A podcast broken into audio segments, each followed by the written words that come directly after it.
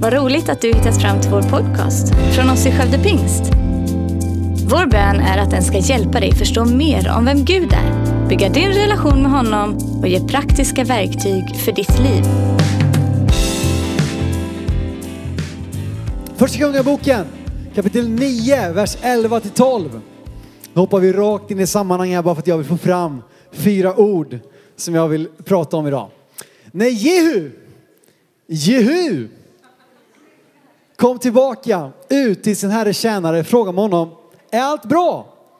Varför kom den där galningen till dig? Vilken galning undrar ni? Det ska vi inte prata om idag, men det är en galning som har varit hos honom. Han svarade dem, ni känner ju den mannen hur han pratar.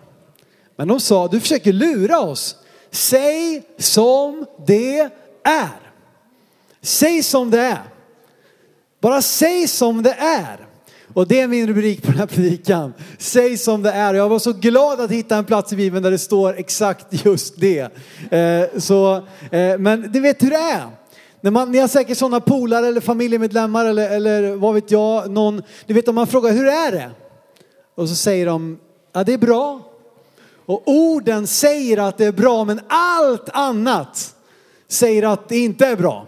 Ögonen, kroppsspråket, mimiken, attityden. Ah, du vet, det är någonting. Kan du inte bara säga vad det är? Eller hur? Bara säg vad det är. Eller när man ställer en fråga. Live brukar man ju få lite respons när man ställer så här, eller IRL va, när man ställer en fråga. Men när du skickar ett sms så, det värsta av allt är när man skickar sms till många personer så att det inte känns personligt. Och så finns det en fråga i smset. Och så får du inget svar. Hallå? Och du vet att det är inget svar därför att förmodligen tycker de att det är jobbigt. De vill inte tacka ja, vad det nu är för någonting. De skulle vilja tacka nej. Men som att de inte vill tacka nej så säger de ingenting. Och då känner man, men svara bara! Säg bara som det är. Det är lugnt. Jag kan inte, jag vill inte, jag orkar inte, jag bryr mig inte. Säg det då! Men var bara inte tyst. Eller säg någonting och mena någonting annat. Jag tror att vi skulle behöva lära oss lite mer att säga som det är om saker. Att vara ärliga med varandra, med Gud inte minst, eh, med oss själva. Och jag tror att vi skulle komma så, så mycket längre om vi bara vågade säga som det är. Och jag tänker att det där går igen i så många olika delar av våra liv. Och några saker som jag har tänkt på det, jag tror att vi bara måste bara våga prata lite ärligare om hur det är är några saker som jag ska börja prata om nu. Det första är, ska vi läsa i Saltaren 32. Och eh, här nu så är det eh, kung David, han är ju en, en fantastisk person. Han är herde, han är krigare, han är liksom en, en riktig sån SWAT-team snubbe, alltså han är grym eh, på det han gör. Han är musiker, han är lite liksom så fin kille, han kan ta fram harpan, sjunga en sång alla liksom smälter i hans närvaro. Han har skrivit massor grejer av Saltaren och så säger han så här i psalm 32, vers 3-5. Är ni med? Ja, där uppe också. Bra, bra, bra. Väldigt vilket springande det var idag alltså. Jag säger som Linken sa när jag var på sportlovsväg i Ulricehamn. Släck alla lamporna och du, du har pinkat färdigt för idag. Och sen låste han dörren och så la han sig med madrassen framför dörren så här. Så att man inte kunde då ta sig ut och gå och pinka eller vad det nu Nu har du pinkat färdigt. Nu kan ni hålla er 25 minuter till här. Alright, psalm 32, vers 3-5. David säger, så länge jag teg förtvinade mina ben och jag stönade dagen lång. Hur lät det egentligen? Dag och natt var din hand tung över mig, min kraft rann bort som i sommarens torka. Sela. När det står sela kan man läsa som paus. Bara stanna upp, tänk lite grann på det du har läst. Då erkände jag min synd för dig och dolde inte min skuld. Jag sa, jag vill bekänna mina brott för Herren. Då förlät du mig min syndaskuld. Säg som det är när det kommer till synd. Vad är synd för någonting? Synd är allting som drar dig bort ifrån Gud. Och du sa synd, är det inte 2020 nu? Har vi inte lagt ner det här med synd? Jag har sett så som i himlen den här Colin Nutley-filmen och där säger de, den har inte ni sett, det var för länge sedan men det var en stor grej i alla fall. Att liksom det här, man, man, man har jobbat så länge nu med att bara ta bort, nej men hallå det finns ingen synd, gör vad du vill, hur du vill, hur ofta du vill, med vem du vill och så vidare. Allt sånt här. För att man har försökt säga att det finns ingen synd så jag menar, ingen idé att ha dåligt samvete för det finns finns ju ändå ingen synd. Men jag tror att det är tvärtom, för även om vi kanske har tagit bort skulden och sagt att det finns liksom ingen skuld, det finns inget straff, det finns ingenting som du kan göra som, som får att du får en skuld, så har vi ersatt det med skam istället. Och även då om vi tycker att ja, men vi får göra vad vi vill, det är inget som är fel. Så när, gör vi en massa saker och vi fylls av en annan känsla som kanske inte är skuld, men skam. Därför att det är någonting i oss som får oss att känna att det är någonting som inte är rätt. Men vi kan inte sätta fingret på det. Och även om man har många gånger har talat om att kristna minsann, de har varit så stränga och de har bara sagt vad man får och inte får göra. Sen tänker jag på samhället idag. Om det är någon tid där man blir tillsagd vad man ska göra och vad man inte ska göra så är det väl vår tid. Du får inte rösta på vilket parti du vill. Du får inte äta vad du vill. Du får inte flyga helst. Du får inte, alltså du vet, det är massa sådana här saker som säger till oss, nej gör inte det här, gör inte det här, gör inte det här. Och gör vi det så får vi skam då istället.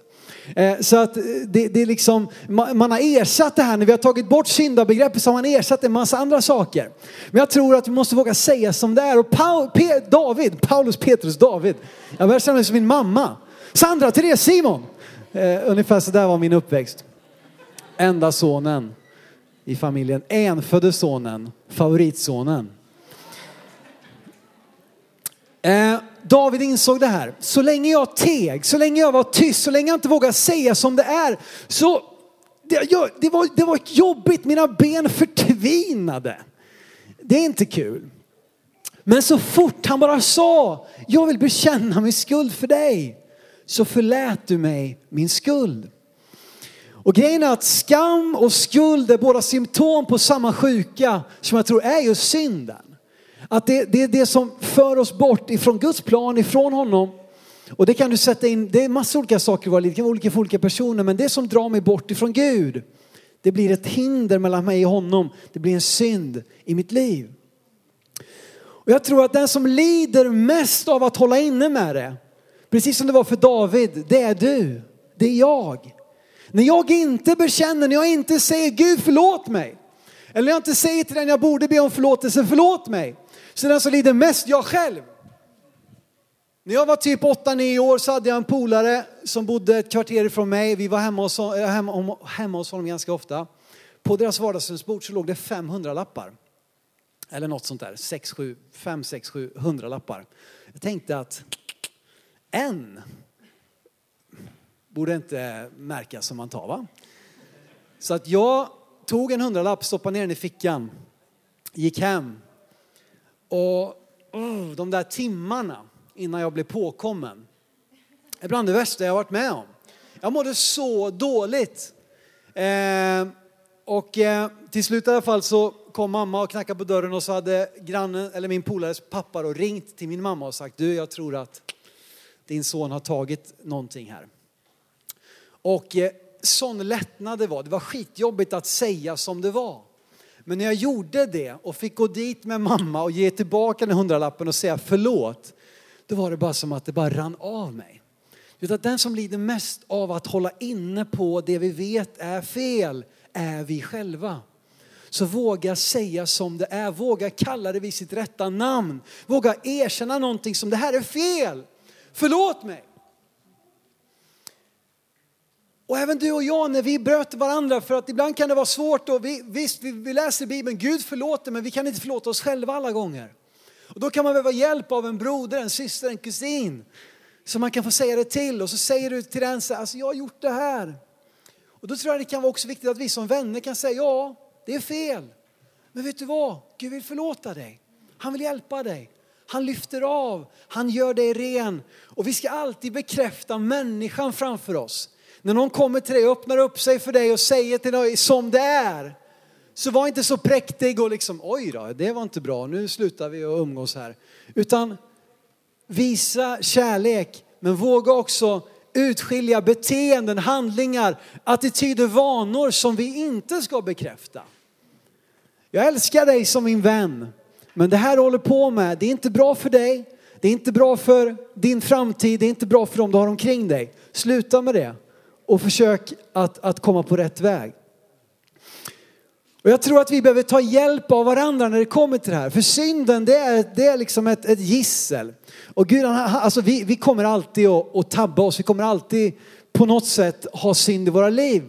Men vi behöver inte brottas med samma synd år efter år efter år efter år. Det går att få frihet. Och jag tror att vi behöver hjälpa varandra.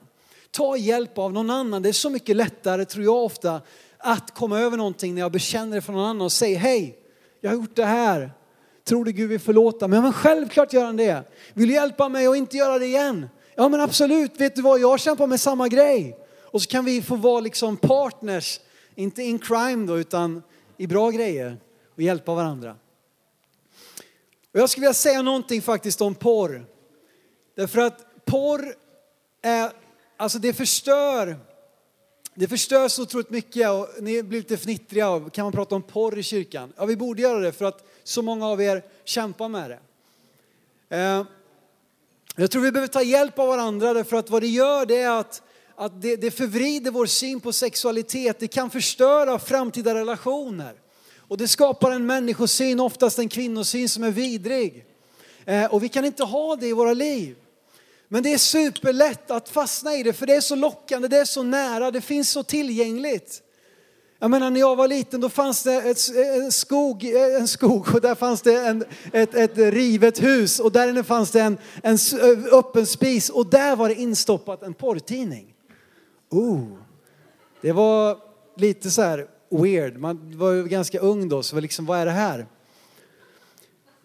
Men idag så är det ju liksom här i fickan konstant 24-7. Du har med dig det in i sovrummet, du har med dig in på toaletten, du har med dig när du åker, när du, vart du än är någonstans. Och det finns inte bara en sida liksom att bläddra igenom där, den där gamla äckliga tidningen. Utan det finns ju liksom, ja, ni fattar grejen.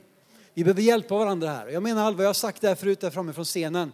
Säg till en vän att du kämpar med det här. Ge, lämna över din telefon och be dem skriva in en lösenkod för liksom vuxenfilter typ. Jag menar allvar. Det här kan hjälpa dig och mig. Eh, vi behöver hjälpa varandra att komma vidare och inte liksom vara kvar i den här skiten. Eh, och porr är en sån grej som vi måste våga prata om lite mer för att alltså seriöst, alla typ har eller brottas med det och det finns massa undersökningar och kristna är ingen skillnad liksom. Lite skillnad kanske, jag hoppas det. Men, men det är inte så att vi, oh, nej här är vi alla fina, ingen, ingen tänker på bröst och ingen liksom så här. Och, nej, nej, nej, nej, nej. Jo, jo, jo, jo. Första Johannes 1, 8, 9. Står det så här, om vi säger att vi inte har synd bedrar vi oss själva och sanningen finns inte i oss. Men om vi bekänner våra synder är han trofast och rättfärdig så att han förlåter oss våra synder och renar oss från all orättfärdighet. Gud kan bara förlåta det som du bekänner. Allt som du bekänner förlåter Gud. Där fick du en tweet. Den är gratis. Gud kan bara förlåta det som du bekänner. Han har förlåtit allt. Alltså. Han har betalat pris, han har löst ut notan, han har tagit straffet. Han har, liksom, han har, han har allting klart. Men du måste, Gud förlåt mig.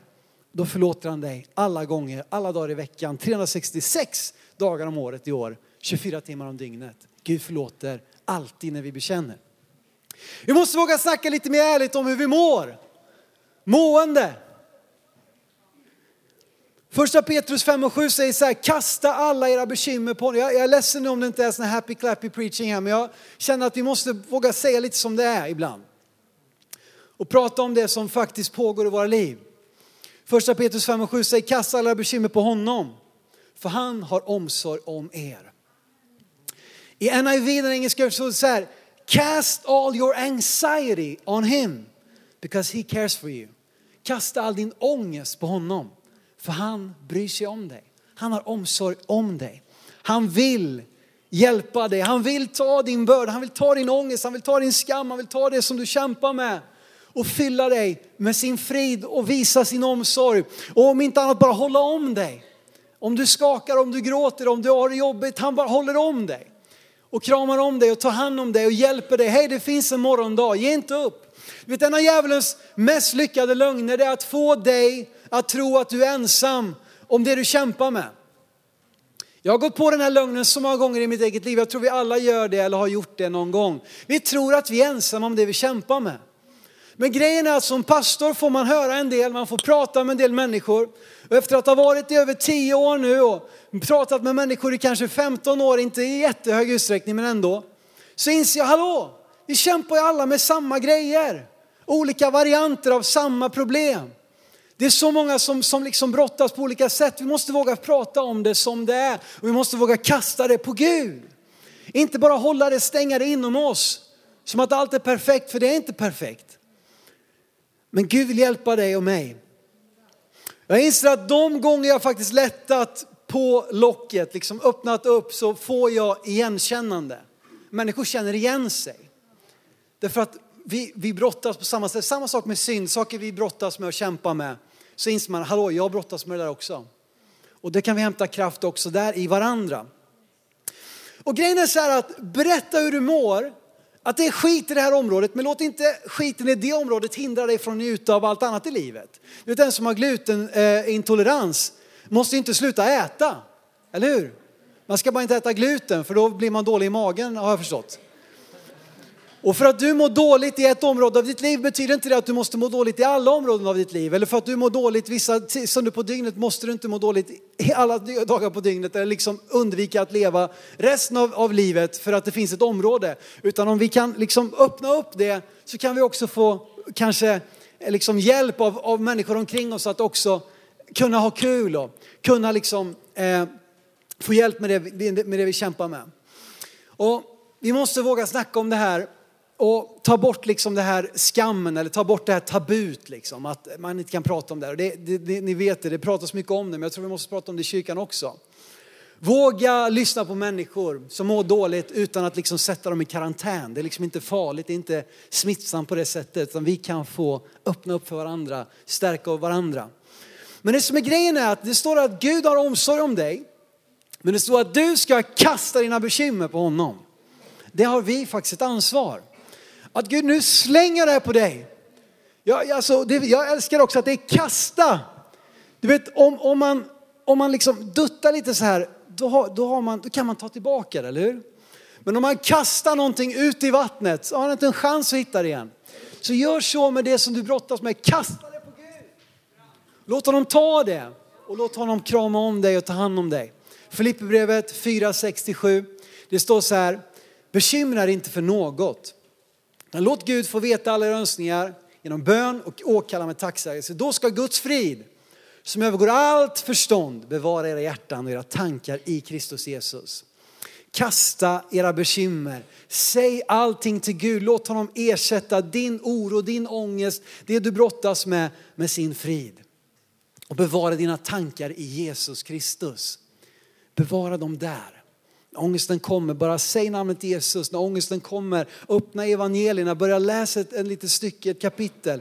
Sätt på en lovsångsskiva, fyll dig själv med Jesus. Bevara dina tankar i honom. Du vet att Gud kan bara bära den börda du lämnar. Men den börda du lämnar, den bär han. Han, kan, han, kom, han, är inte, han är inte en sån som tar saker med våld. Han är en som står bredvid och bara väntar. Hej, Säg bara till ett ord. Säg bara ett ord, en inbjudan. Jag finns här, jag vill hjälpa dig, jag vill stötta dig. Men det är du och jag som får säga det till honom. Hej, hjälp mig. Jag ska säga någonting annat om, om någonting som är inte så mycket handlar om oss utan som handlar om det som är omkring oss. Om orättvisa. Orättvisor. Ordspråksboken 8.13 säger så här att vörda Herren är att hata det onda. Högfärd, högmod ond väg och falsk mun. Det hatar jag, säger Gud. Alltså hat är inte bra, men det som Gud hatar, det kan vi också hata. Han hatar det onda. Han hatar högfärden, högmodet, ond väg, falsk mun. Det hatar Gud. Och när vi blir på, födda på nytt, tar emot Jesus så fylls vi av Guds ande. Och vi börjar få hans värderingar, vi börjar få hans hjärta för saker och människor omkring oss. Och vi får få en, en annan kompass i livet, vad som är rätt och vad som är fel. Och när du känner att någonting är fel i din omgivning så våga säga som det är. Det här är inte okej. Okay. Sluta med det där. Du vet att eh, jag tror det är så viktigt att våga göra det. Du vet nästan hälften av böckerna i Gamla Testamentet är profetböcker från Jesaja till Malaki, 16 stycken. Det kan vara lite tung läsning. Vi är några stycken som har köttat igenom Bibeln här i januari, januari månad och läst alla de här profeterna på rad. Det är ganska köttigt alltså, det är ganska mastigt. Och det är lite tungt också. Därför att de säger som det är.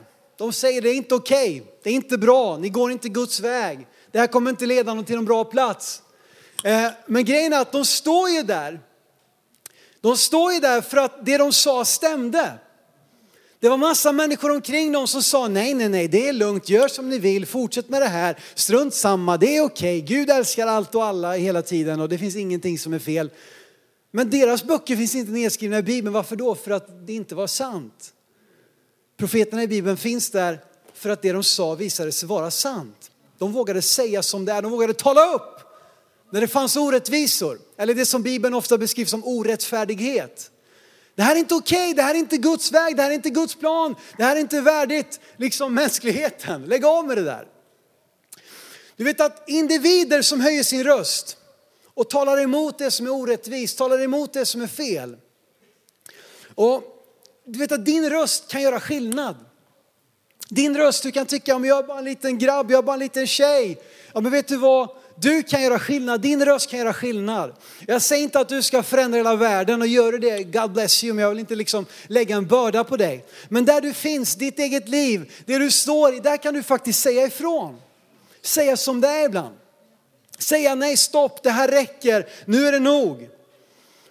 Du vet när någon liksom trackar någon i sociala medier, då kan du säga lägg av med det där. Sluta med det där. Du kan skriva en uppmuntrande kommentar istället. När någon liksom slänger glåpord efter tjejerna i korridoren, då kan du säga hej, vad är du för tönt egentligen? Sluta med det där.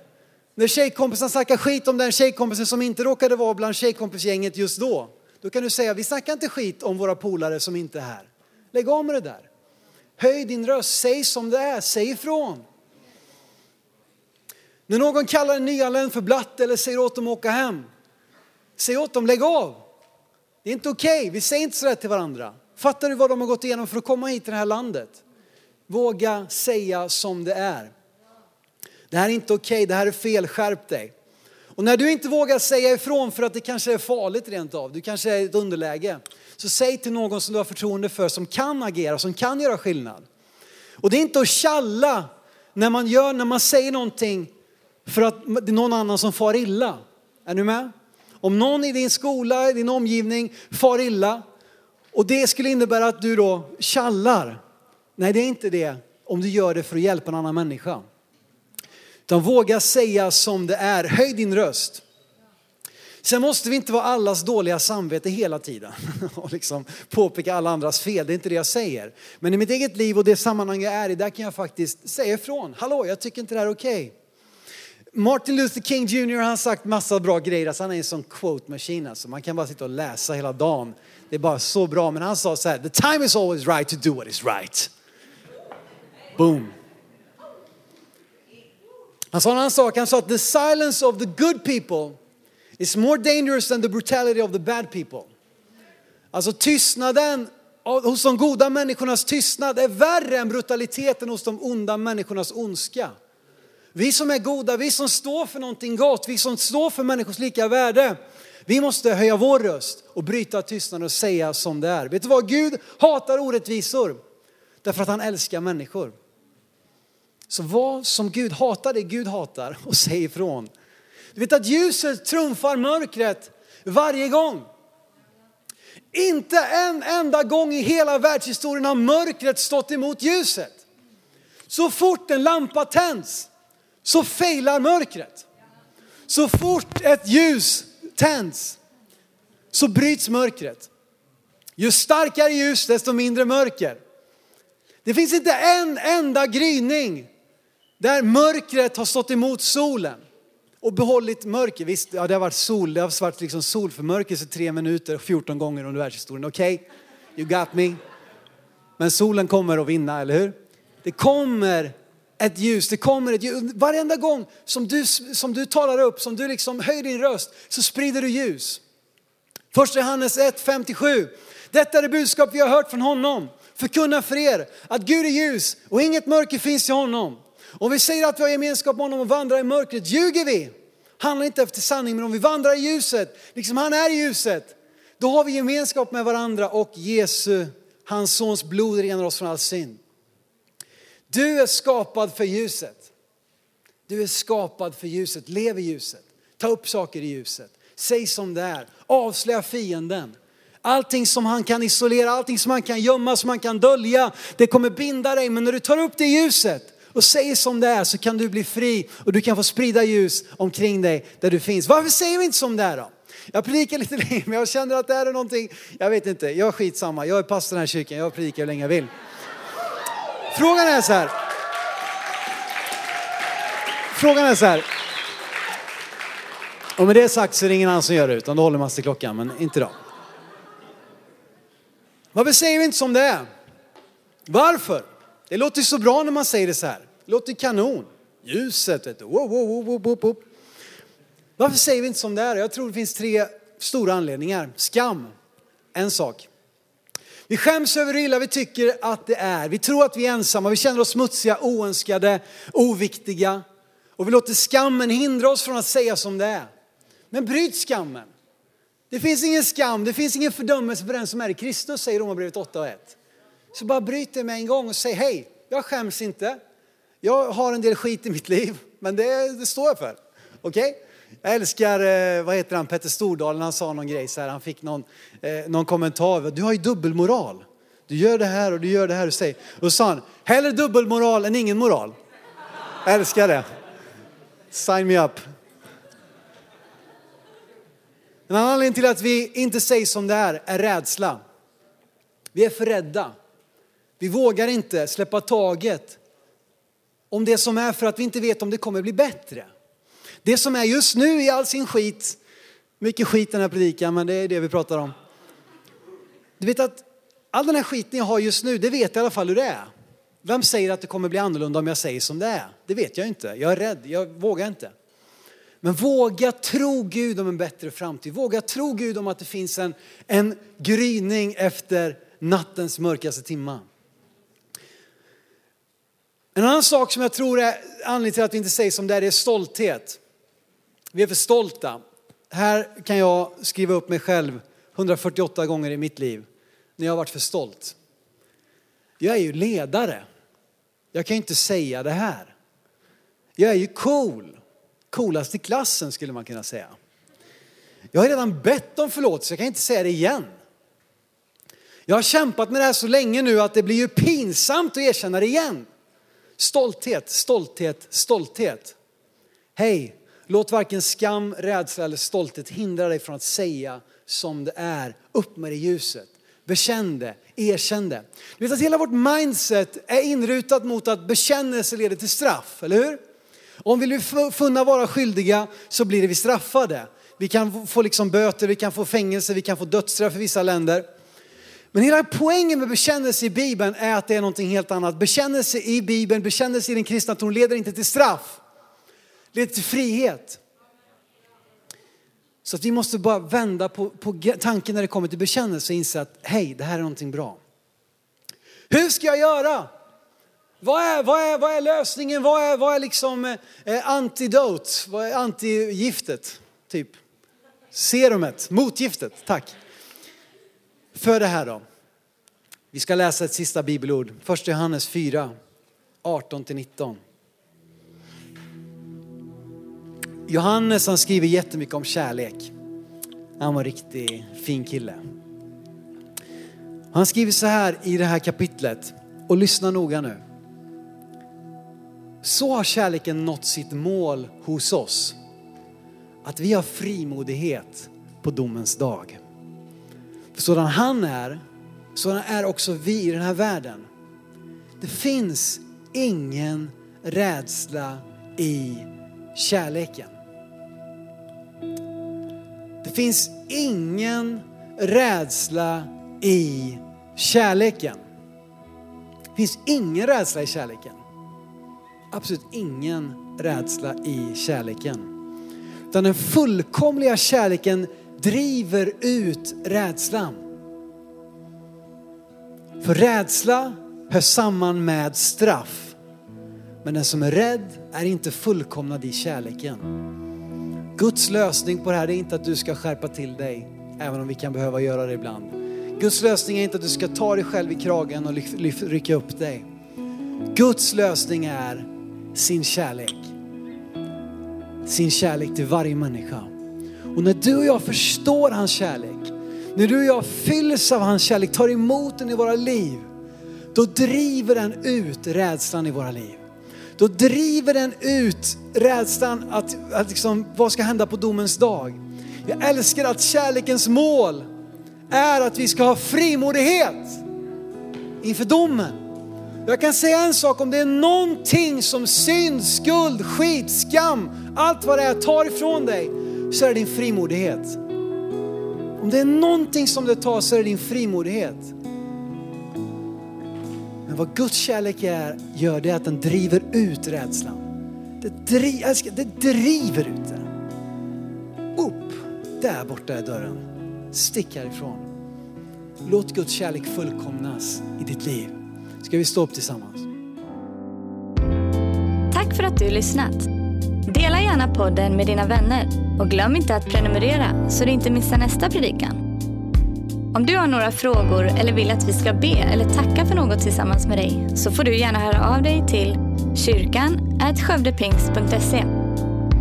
För oss är veckans höjdpunkt söndagens gudstjänst och det vore så kul att träffa dig där. Våra team finns då redo att ta emot dig och det finns även egna samlingar för barnen. Du hittar mer information om oss, vilka vi är och våra olika mötesplatser på skövdepingst.se. Gud välsigne dig och ha en fortsatt bra vecka.